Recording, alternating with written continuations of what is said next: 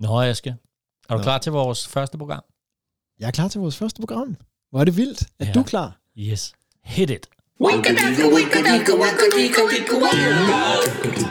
det er sådan cirka.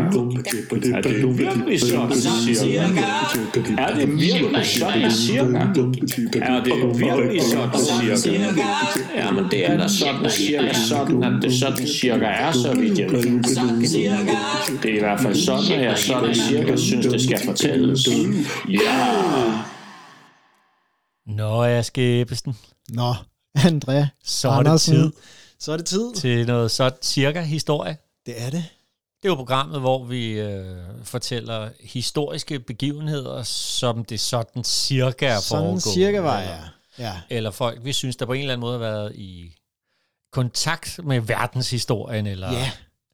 Ja, lokalhistorien, eller et eller andet, ikke? og, og, og vi er jo øh, begge to historiefortællere, og øh, Nemlig. Der er jo ikke meget historikere over os. nej, nej, altså vi laver vores research, men også det, med, vi har snakket om, at her er der også plads til at, at fortælle nogle af de der små historier, der popper op som sådan en, åh, ja. det vil jeg gerne fortælle om. Jeg ved bare ikke helt, hvordan jeg putter det ind i en, i en historie, jeg skal servere fra scenen. ja, præcis. Så det er det, vi gør her, og det vil sige, det er jo sådan cirka øh, Ja. historiske begivenheder. Og hvis du vil forstå lidt mere om, hvad vi mener med det, og hvorfor at Aske han sidder og fortæller om at lave en historie fra scenen, så kan I gå ind og høre vores introduktionsprogram. Ja. Det er ikke særlig langt. Så kan I lige lære lidt om os at kende, eller hvad det er for en præmis, vi selv har sat ud over vores sådan cirka programmer, ikke? Jo. Yes. Og Andrea, Ja. jeg kan jo se, du sidder... Øh, nu sidder vi jo hjemme hos dig her, og du har, du har taget nogle papirer frem, som, Ja. som du har skjult bag en bog. ja, så- det er og hemmeligt. med et smørret smil sagt, mm. ikke kigge. Mm. Og derfor så... Øh, altså, du har, du har skabt min nysgerrighed. Jeg synes, at, øh, at du skal have lov til at lægge ud med en historie i dag, hvis... Øh, Skal jeg simpelthen have lov at lægge ud? det synes jeg, hvis du har ja. lyst. Det vil jeg gerne. Ellers så...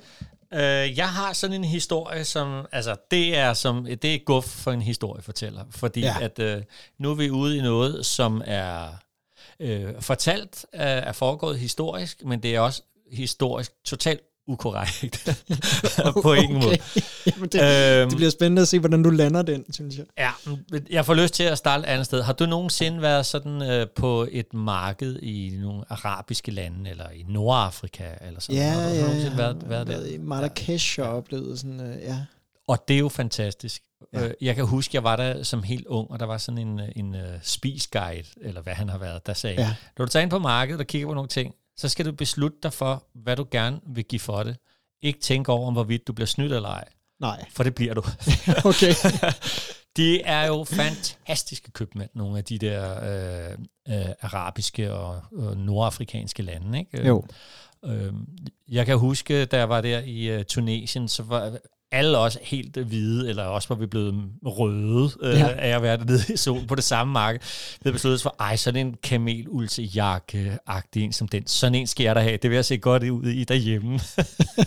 Ja. jeg tror ikke, der er nogen, jeg tror ikke, der er nogen, der har den på herhjemme. Vel? Nej, nej. Og de kostede jo, altså det var jo i dinar, man mm. betalte, og det øh, øh, en dinar er vist nok i virkeligheden 1000 dinar, men det er lettere bare at sige en akt. Okay. Det er sådan nogle mærkelige tal, ikke? Ja.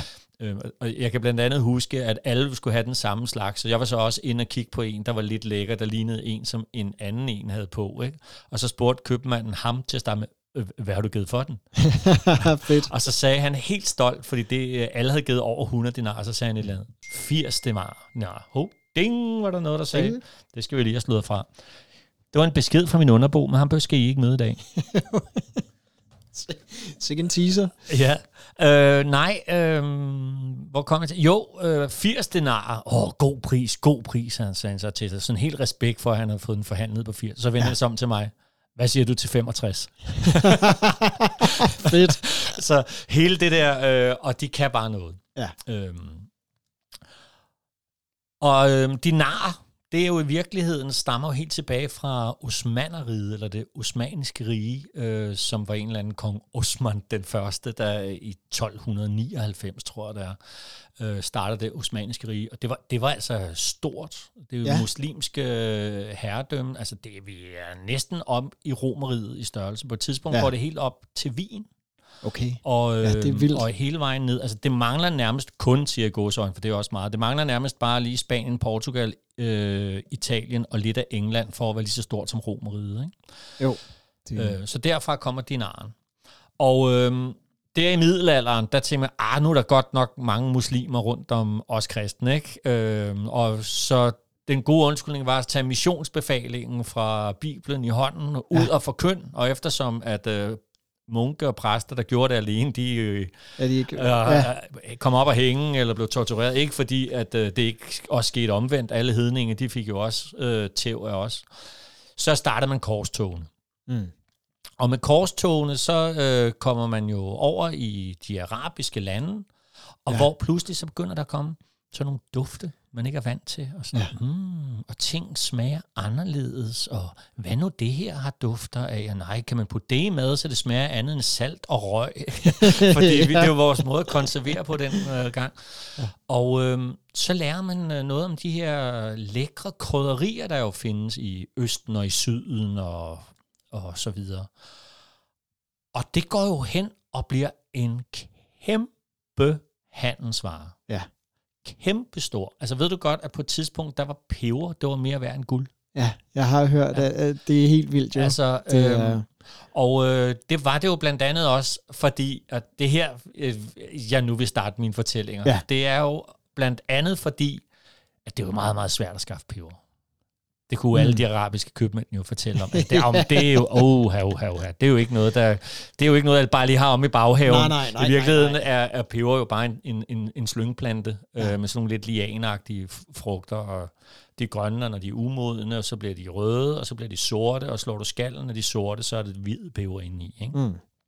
Men oh, så simpelt var det jo ikke. Altså, det, det er svært. Altså, øh, de her peberfrugter, øh, som I, eller peberkorn, I gerne vil købe, alle jer fra Europa her, det er jo, altså, I skal bare vide, det er jo sådan nogle specielle træer, som er fyldt med slanger, der, der, okay. vogter, der vogter det her krydderi. Ja. Så den eneste måde at få fat i krydderierne på, det er ved at brænde træet af. Nå. Sådan så alle slangerne, de flygter. Okay. Og det er derfor, det er bare sådan nogle små sorte hår nogen. jo. Ej, hvor er det sjovt. Så det koster selvfølgelig lidt, det her peber her. Det er jo klart. naturligvis, Ikke? hvis man... Jo. Ja. Og der går masser af sådan nogle historier om, øh, om krydderier, hvad det er, at de arabiske købmænd har bildt os dumme, dumme korsridere, og hvad fanden ved jeg, der er kommet. Er det rigtigt? Nå ja, så kan jeg godt se. Så må jeg hellere Ja, så må betale. det være, jo. Og øhm, en af mine yndlingshistorier, det handler faktisk ikke om kaffe. Det handler om kanel. Nej, Peber. kaffe. Nå, ja, Peber. ja, Ja. undskyld, jeg Om mener kanel, peber, ja. men det er fordi, jeg Ja. kan også fortælle om kaffe. Det er den tager vi skulle lige Ja, først. den- okay. Fordi den, øh, ved du, hvor kaffe stammer fra?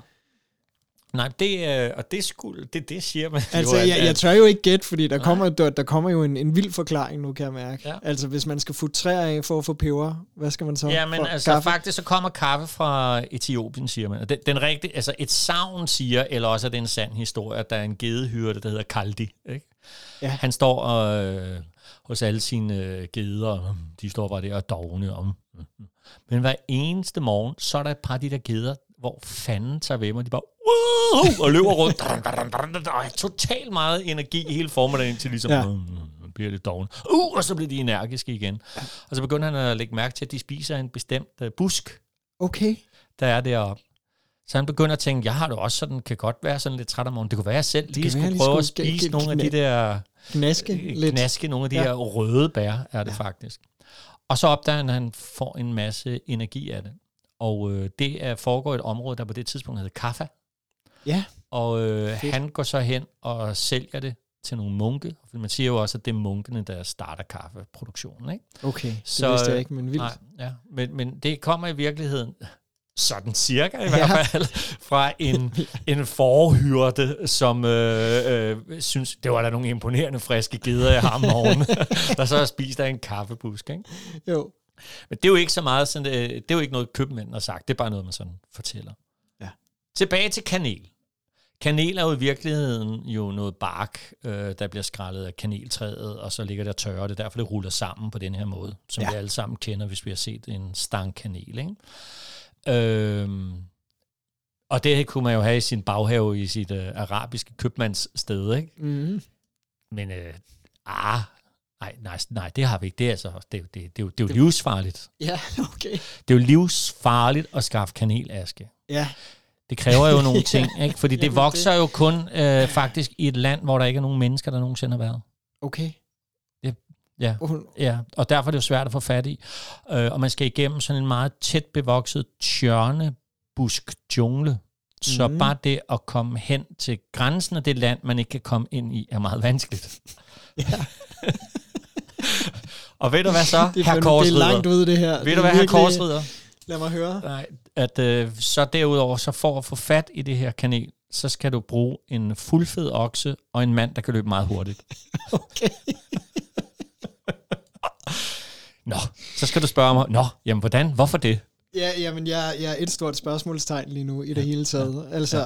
nå, André, hvor, Hvorfor, hvorfor det? siger korsriddermanden der. Ja. Ja. Jo, nu skal du høre. Men, altså, det er selvfølgelig et problem at få, øh, allerede her bliver det kompliceret. Man skal have den her fuldfede okse øh, igennem den der tjørne øh, øh, buskjungle. Det er jo i sig selv svært. til landet, hvor ingen... Det går lidt lettere med at ham, den lille mand, der kan løbe meget hurtigt. Ikke? Ja. Når man så kommer om på den anden side, så, så sidder man så der i... Det er, altså, det er rigtigt, hvad jeg men fortæller dig ja, her, ja, ja, ja, ja, ja, jeg Det lytter, er jeg sådan- lytter, jeg lytter. Det er sådan cirka det, som de fortalte købmændene.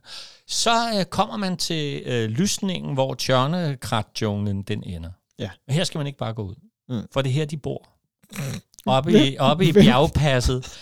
De kæmpe, De bor. ja, Ja. de kæmpe gigantørne. Ja.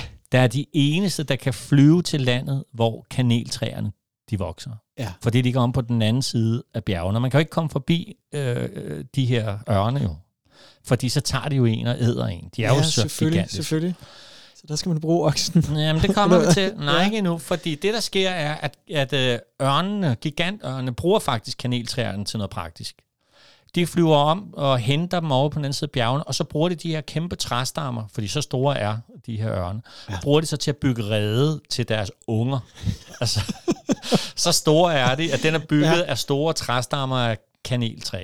Det gør de jo så oppe i... Jeg glæder mig til at høre, hvordan du lander den her, André, Ja, men- fordi det er som om billederne kan næsten ikke følge med i mit hoved mere nu. Det bliver for- vildere og vildere, ikke? Forestil dig engang, hvordan de der arabiske købmænd, der stod på, har på, på øh, markedet, og den ene begynder at bide sig i læben, og han hørte den anden starte den Ja, her historie til. ja, ja. Den skal jeg fandme også Og der er bruge." også en, der på et tidspunkt har sagt, at jeg betaler bare, hvad det koster. Jeg har ikke, jeg har ikke længere tid nu. Altså, vi Ja. stopper bare ved ørnen, og så... øh, Men nu skal du høre. Ja.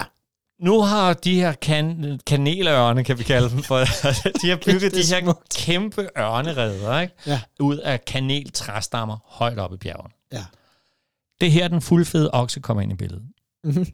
Så sætter man den ud på øh, savannen, eller hvad det hedder, Ja. den der sådan, øh, mark, eller der er imellem dig i Tjørnekratsjunglen og det store bjerg. Ja. Mm, så går den rundt der. Hov, mad til mine små, tænker den store ørn så. Og så flakser den ned. Flaks, flaks. Og så tager den oksen. Klo, og flyver med oksen op til reden. Og der giver den så slip.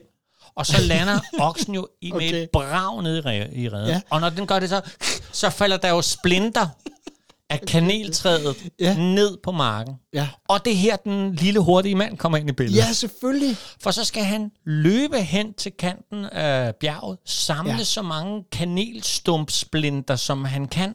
Ja. få ned i sin taske og komme tilbage i tjørnekratsjunglen, inden det er, at ørnen opdager en og fanger en og æder en. Ikke? Ja. Og i sidste uge her korsrider, der mistede jeg min fætter. Åh, oh, nej. Ja. nej. Så jeg kan nok se, det er jo meget, meget, meget dyrt Ja, det kan jeg godt se. at handle med kanel. Jamen, det. Øh, jo. Så sådan nogle historier Ej, hvor er det en fed fortalte de historie. arabiske købmænd, det også vanvittigt. europæer, og ja. Ja. de hoppede lige i og gik selv hjem og fortalte historien om de her eksotiske lande, og de eksotiske krød prøve at smage på det her, og gik. Ja. rundt der. Altså som sagt, peber var øh, på et tidspunkt så værdifuldt, at de rige, de havde gemt det inde under tøjet, man lod det ikke bare ligge derhjemme. Nej. Så masser af historier skøn fra historie. krydder, krydderiens verden, helt tilbage i middelalderen og de store korstog. Der, Dejligt. Altså, jeg til. vil, øh, jeg vil se kanel på en lidt anden måde fra nu af. Det er, det er skønt. det er godt. Okse udløst. Dejligt.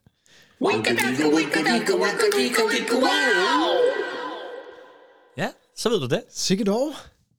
Hvad er du med? Jamen, jeg, øh, vi, skal, vi skal et, et helt andet sted nu. Og så alligevel... Øh, det var også nogen, der godt kunne lide at fortælle historier her, og, og du sagde korsridder, ikke? Vi skal til, øh, vi skal til Berlin. Vi skal til OL i øh, 1936. Og grunden til, at jeg siger det der med korsridder, det er, fordi jeg tænker, at nazisterne, de ville nok godt se sig selv som korsridere. Ja. Men der er det, at nazisterne, de er jo kommet til magten i Tyskland, og har ligesom arvet OL. ja. Og det er sgu ikke noget, Hitler synes er særlig fedt. Altså Hitler, han, han har faktisk udtalt, at OL, det er noget jøder og frimurer har fundet på. Og jeg ved ikke, jeg ved ikke hvorfor, altså hvorfor de to sammen, eller sådan, men det er i hvert fald noget for jøder og frimurer. Og så hans øh, propagandaminister, og hvor er det også fedt. Eller ikke fedt, det er jo frygteligt, men hvor er det vildt, at der findes en propagandaminister. ja, det er simpelthen... Goebbels. Ja. Der jo så øh, ser det her som en mulighed for at, øh, at vise sådan det, det, det humanistiske ansigt af, af det nazistiske rige. Ja. Og derfor så Hitler, han bliver overtalt til det her. Og man, øh, man holder det her OL, man bygger jo et splinter nyt stadion. Sådan helt øh, det tredje rige æstetik. Det er jo helt vildt. Og øh, så gør man det, at man først i Berlins gader, så før man inviterer alle de her atleter, så fjerner man alle de her jøder ikke velkomne skilte. Også alle de her jøder og hunde ikke velkomne skilte. Og så øh, får man øh, fjernet alle prostituerede og alle tiggere fra gaderne, så det bare ser helt renskuret og fantastisk skinnende ud, det her Berlin. Ja. Men det der også er, er, at man bliver også nødt til at invitere nogle folkeslag, så man bare ikke Helt lige. Al- ja, det ligger ligesom et, nå, men vi skal også vise, at vi, ja, at vi er storsindede, sådan, så lad os da, okay, så lad os da også få inviteret en jødisk atlet. Og der, der får de fat i en, øh, en tysk jødisk atlet, som selvfølgelig, altså hun hedder øh, Gretel Bergmann, og hun er selvfølgelig stukket til England med det samme, da nazisterne kommer til. Men de har så ligesom sagt til hendes far, hun skal komme hjem nu. Og som faren siden har sagt, så var det sådan, det, var- det var nok, okay, altså en hensydning, det var nok. Så hun kommer hjem, hun er stangspringer, og så før de olympiske lege går i gang, så sætter hun den nationale rekord i stangspring på 1,60. Det er det højeste, der er blevet sprunget for en, en kvinde i Tyskland, og, og det er sgu for meget for de der nazister. Så må hun ikke være med. Altså hun måtte gerne være med, men hun måtte ikke være så meget med. Altså det var for meget, hun skulle ikke være god. Så hun bliver diskvalificeret. Jamen det er frygteligt, men jeg kommer frem til en, En pointe. En pointe. Yes, det lover yes. jeg. Øhm, de her olympiske lege, de går så i gang. Og der er også en, øh, en afroamerikansk mand, der hedder ja. Jesse Owens. Ja. Har du hørt om ham? Ja, ja. Ja. Ja, ja. Det er ham, der løber, som jeg ved ikke hvad. Han løber, som jeg ved ikke hvad, og han, Han er også jo... længdespringer. Han, han, er Øh, i hvert fald løb, ikke? Jo, jo. Ja. Og han, jo, og han er også længdespringer, fordi. Ja. at det er sådan, at han i det første løb, altså han får guld i 100 meter løbet. Ja. Og lige da han har gjort det, Hitler han har hilst på samtlige deltagere ved OL, indtil Jesse Owens han sætter den her rekord, og så, så stopper man. Fordi det kan, i Hitler kan simpelthen ikke, det vil være unfair, at han, han kan simpelthen ikke nå at hilse på dem alle sammen. Nej, det er klart. Det er jo det. Det Ja. går jo ikke. Og, og så efterfølgende, så er der kommet nogle ret skrappe udtalelser omkring, han har sagt sådan, men folk, hvis, øh, hvis forfædre stammer fra junglen, de er jo atletisk bygget, så selvfølgelig må de ikke være med til OL. Eller puh. Altså, det er jo frygtelige historier, ja, ikke? forfærdeligt. Men grunden til, at jeg vil fortælle den her historie, ej, lige en, en krølle, det er så, at, at Jesse Owens han så tager hævn over det der, kan man sige, netop ved så at vinde længdespringskonkurrencen, og 200 meter konkurrencen, og 4 gange 100 meter forhold, den er han så også med til at vinde. Ja. Men der er det, at Hitler, han tænker, den her åbningsceremoni, den skal være det mest storslåede. Hvordan laver man den allermest storslåede åbningsceremoni? Det man gør, det er, vi slipper 25.000 fredstuer ud. Og så affyrer vi kanoner. Det kan ikke blive meget større. Nej. Så Hitler han har ligesom tænkt, okay, nu køber jeg ind. Nu køber jeg ind på det her OL. Det er godt. Det, det skal nok øh, øh, give en god øh, PR-mæssig værdi ud i verden. Så han stiller sig der og skal til at erklære lejene for åben, og han har fået en olivengren og står der og ligesom, okay, nu gør jeg det. Og han erklærer så de olympiske lege for åbne, og de her 25.000 duer, de bliver sluppet ud samtidig med, at kanonerne de bliver affyret, og det skræmmer de her duer på en måde, så de kollektivt overskider det nazistiske stadion. Altså, de skider ud over det hele, og de bliver ved med at, og, og, altså, bum, bum, bum, og de skider de der duer.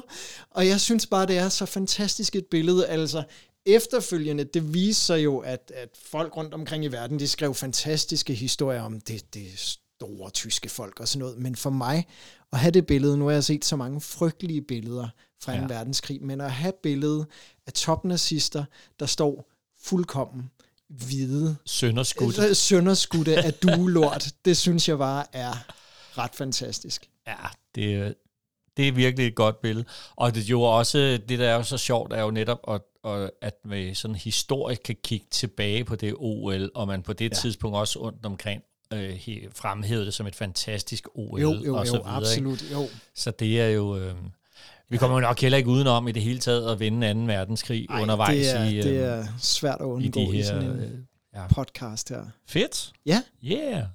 Og sådan cirka.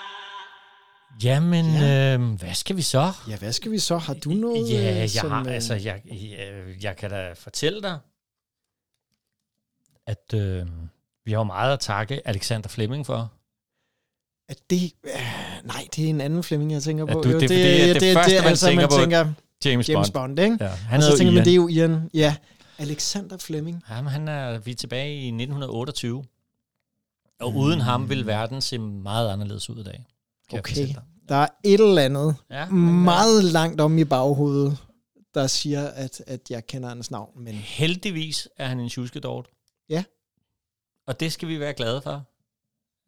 er det... Ja, Nej, jeg, jeg, jeg, vil ikke gætte mere. Jeg, vil- Nej, det, skal, skal jeg have lov at det- fortælle det, han- det, så kan du jo sidde der og Ja. ja. vide, øh, vide det. Tag den. Øh, jamen, øh, han arbejdede på St. Mary's Hospital i øh, London. Ja. Og øh, var, hvad kan sådan noget hedde? Jeg gætter på biolog, ikke? Jeg ved ikke, hvad Jo. de hedder, eller sådan noget, ikke? Eller bakteriolog, fordi det er virkelig det, det snakker, vi snakker om. Han er i gang med at lave nogle, nogle forsøg med sådan nogle staphylococcus-bakterier. Ja. Øh, det, det er jo en grim bakterie, når først man får staphylococcus og sådan noget. Så jeg gætter på, at det er noget af det, han har stået og arbejdet med at skulle finde ud af. Ikke? Øhm, og han står der og putter op i sådan en petriskål, som Ja. er de der flade, runde nogen, hvor der kan komme låg på. I øvrigt opfundet en mand, der hedder Petri, kan jeg fortælle. Ja. ja. Fordi han var så træt af, at man prøvede at lave alt muligt, sådan nogle flasker og runde skåle, og det, det kunne man ikke. Og sådan noget. Så han opfandt Petri-skålen, ah, som alle, der har lavet ja. ja. eksperimenter i folkeskolen, har, har stiftet bekendtskab til. Mm. Øh, men øh, han, øh, han stafylokok gør der ud af, ikke? Hvad vil Ja. ja. du gøre? Uh, uh. Det er også lidt se, oh, han ved... Øh, øh, altså, det er sådan cirka, sådan jeg ser det for mig. Han skal, Ja. han skal på ferie. Øh, hans kone står sikkert hjemme og siger, du, du lovede at komme hjem klokken 15, vi skulle køre 15.30. Han skal på en Ja. måneds ferie, så han skal lige blive færdig med det her eks- ja. eksperiment.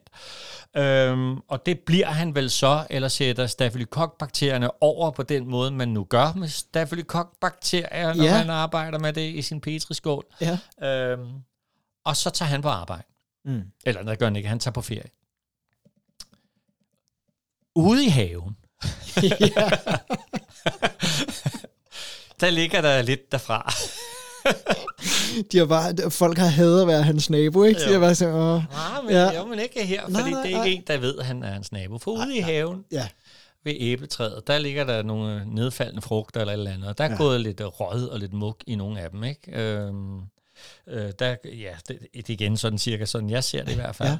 Og der er så en af de her svampesporer, der sidder i det her æble, tænker, mm. jeg skal noget andet. jeg, skal ikke bo, jeg skal ikke ende min dage på det her æble. Jeg tror, jeg tager den næste vind og lader mig flyve med den, ikke? jo. Og det gør den lille svampespor, så... Og vinden tager så hen imod St. Mary's øh, Hospital, hvor at vores ven Alexander Fleming, ja. han har glemt, at lukke vinduet, inden han tog på ferie. Fantastisk. Så en lille øh, svampespore, eller hvad Ja. sådan noget hedder, den Ja. flyver sig ind af vinduet. Og eftersom man åbenbart heller ikke har sat låget ordentligt på petriskålen, så lander den nede mellem stafylokokbakterierne. Ja. Og en måned senere, da Flemming han kommer tilbage øh, fra sin ferie, så øh, opdager han, at de der øh, bakterier nede i skålen, at der er ved siden af den svamp, der nu ligger dernede, der kan han se, at alle de der bakterier er døde. Okay. Og han finder så ud af, at den øh, øh, skimmelsvamp, som det er, den hedder Penicillium notato. Ah, ja. og sådan var første gang, at øh, menneskeheden kom i nærheden af penicillin, Ja. som jo måske i virkeligheden er en af de sundhedsmæssige største opdagelser. Ja. Øhm, øh, så, øhm, og det er alt sammen, som så mange andre ting, en tilfældighed. En mand, der glemmer at lukke sit vindue, og en lille svampespor, der er ude på en flyvetur og lander Ja. ja. lige midt i hans staphylococcus-eksperiment. Ja. Så tak til Alexander Fleming, bakterien Staphylococcus og en lille svampespor. 1928, St. Mary's Hospital i London. Dejligt.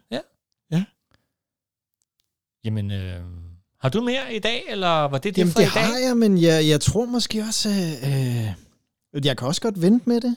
Ja, Øh, det er, ved du jeg tror, det var, jeg, jeg synes, den er god og, øh, den og slut på den der, det, det eneste, jamen det er også, Jamen, hvad vil du nej, sige? men det er bare nogle af de her videnskabsfolk, og, prøv at, og det er dumt, jeg fortæller det nu, fordi jeg ved simpelthen ikke nok om ham, men det er en mand, der hedder Ole Borg, som er en, øh, en videnskabsmand også, og øh, der er jo Borgs kollegie, og det er bare fordi, at jeg har engang været inde og optræde på Borgs kollegie. Og over det ja. Ja. hele på Borgs kollegie, der hænger der billeder af Ole Borg, og man kan ligesom se den der store paryk, og, altså rigtig fin videnskabsmand. Men, Jeg skal ikke vide, hvem det er, vel? øh, nej, det- og det er simpelthen fordi, at jeg næsten ved for lidt om det selv. Det jeg bare lige vil fortælle, Ah. det er, at da jeg var derinde og optræde, det jeg ved ikke hvorfor, det er øh, svampespor og bla bla, men det der er, det er, at Ole Borg, han dør af, at han får en gigantisk nyresten. Altså gigantisk. Nå. Og det, og det overlever han ikke. Det man så gør, og jeg, jeg kan mærke, at jeg bliver nødt til at følge op på, hvem Ole Borg er, og komme med det i et senere afsnit, fordi det skylder jeg ham, nu når jeg fortæller det her. Det man gør, det er, at efter han er død, så får man fremgravet nyrestenen, og så bliver den lagt på en pude, og den bliver så, der bliver lavet et portræt af nyrestenen, der ligger på puden, hvor der står, denne nyresten tog livet af Ole Borg. Og denne her tegning, den er i dag indrammet og hænger på Borgs Kollegium, som ligger på øh, lige inde ved Rundetårn, Ja, ja, øh. Kanalstræde. Der, der hænger den simpelthen som minde om det, der tog livet af Ole Borg. Nå, ham tjekker jeg op på og fortæller om senere. Fedt. Og sådan cirka. Var det de historier fra i dag? Det er det måske. Det er det måske, Vi- ja. Vi, vi blev måske lidt kort i det, men øh, vi mangler jo én ting, Aske. Ja. Vi mangler den lange smør. Den lange smør. Ja, det ved, det ved du nok ikke, hvad er, var. Nej, nu Nej. tænker jeg, det bliver et meget langt program. Ja, ved du godt, hvorfor man siger den lange smør? Nej. Nej. Øh, ved du, hvad det betyder? Kan, kan du lige forklare, hvad det betyder, den lange smør? det- En lang det- det- smør. Det er meget få ting, jeg kommer til at svare på i den her podcast. Hvorfor er pirater klar for? I don't know. Øh, den, jamen, det er jo bare en lang smør, er jo bare en lang. Ja. Der en, der snakker derud af. Ikke? Ja. Altså, hvad kæmpe lang smør. Ja. Gør det kortere. Ja, okay, ja, og det kunne du godt have sagt kort. At, og i virkeligheden så er det så simpelt, at det handler om, at øh, den lange smør, det er, når man virkelig gnider øh, smøringen ind i sadlen, sådan så den virker, altså man gnider og gnider, så det, det skide sadel der, den bare efterhånden er rigtig godt indsmurt. Ikke? Altså, Ja. det, det kommer faktisk bare derfra. Det er en lang Okay, smør. Ikke? ja. Men vi har jo en lang smør her i programmet. Øh, ja, men, øh, og jeg tænkte måske, jeg skulle tage den i dag, fordi Jamen, så kan du tage den gerne. en, en jo, nu, nu larmer jeg lige lidt, fordi så kan du tage den en anden dag, ikke? Jamen, det er fint, André. Øh, det er helt i orden nu. Så ved du øh, bagefter, hvad den lange smør er. Jamen, og, jeg- øh, så, øh, så jeg vil bare sige, øh, sige tak for i dag. Ja. Kan du have det godt? Ja, i lige Så slutter vi med den lange smør. Wakadika, wika, waka. Du har lyttet til Sådan Cirka, der er produceret af André Andersen Teaterkompagni, tilrettelagt og indtalt af Aske Ebbesen og André Andersen. Du kan læse mere om vores podcast, liveoptrædener og byvandringer på sådancirka.dk, andreandersen.dk og askeebbesen.dk. Du er også velkommen til at følge Sådan Cirka på Facebook-siden af samme navn. Det var Sådan Cirka den lange smør. Vi høres ved.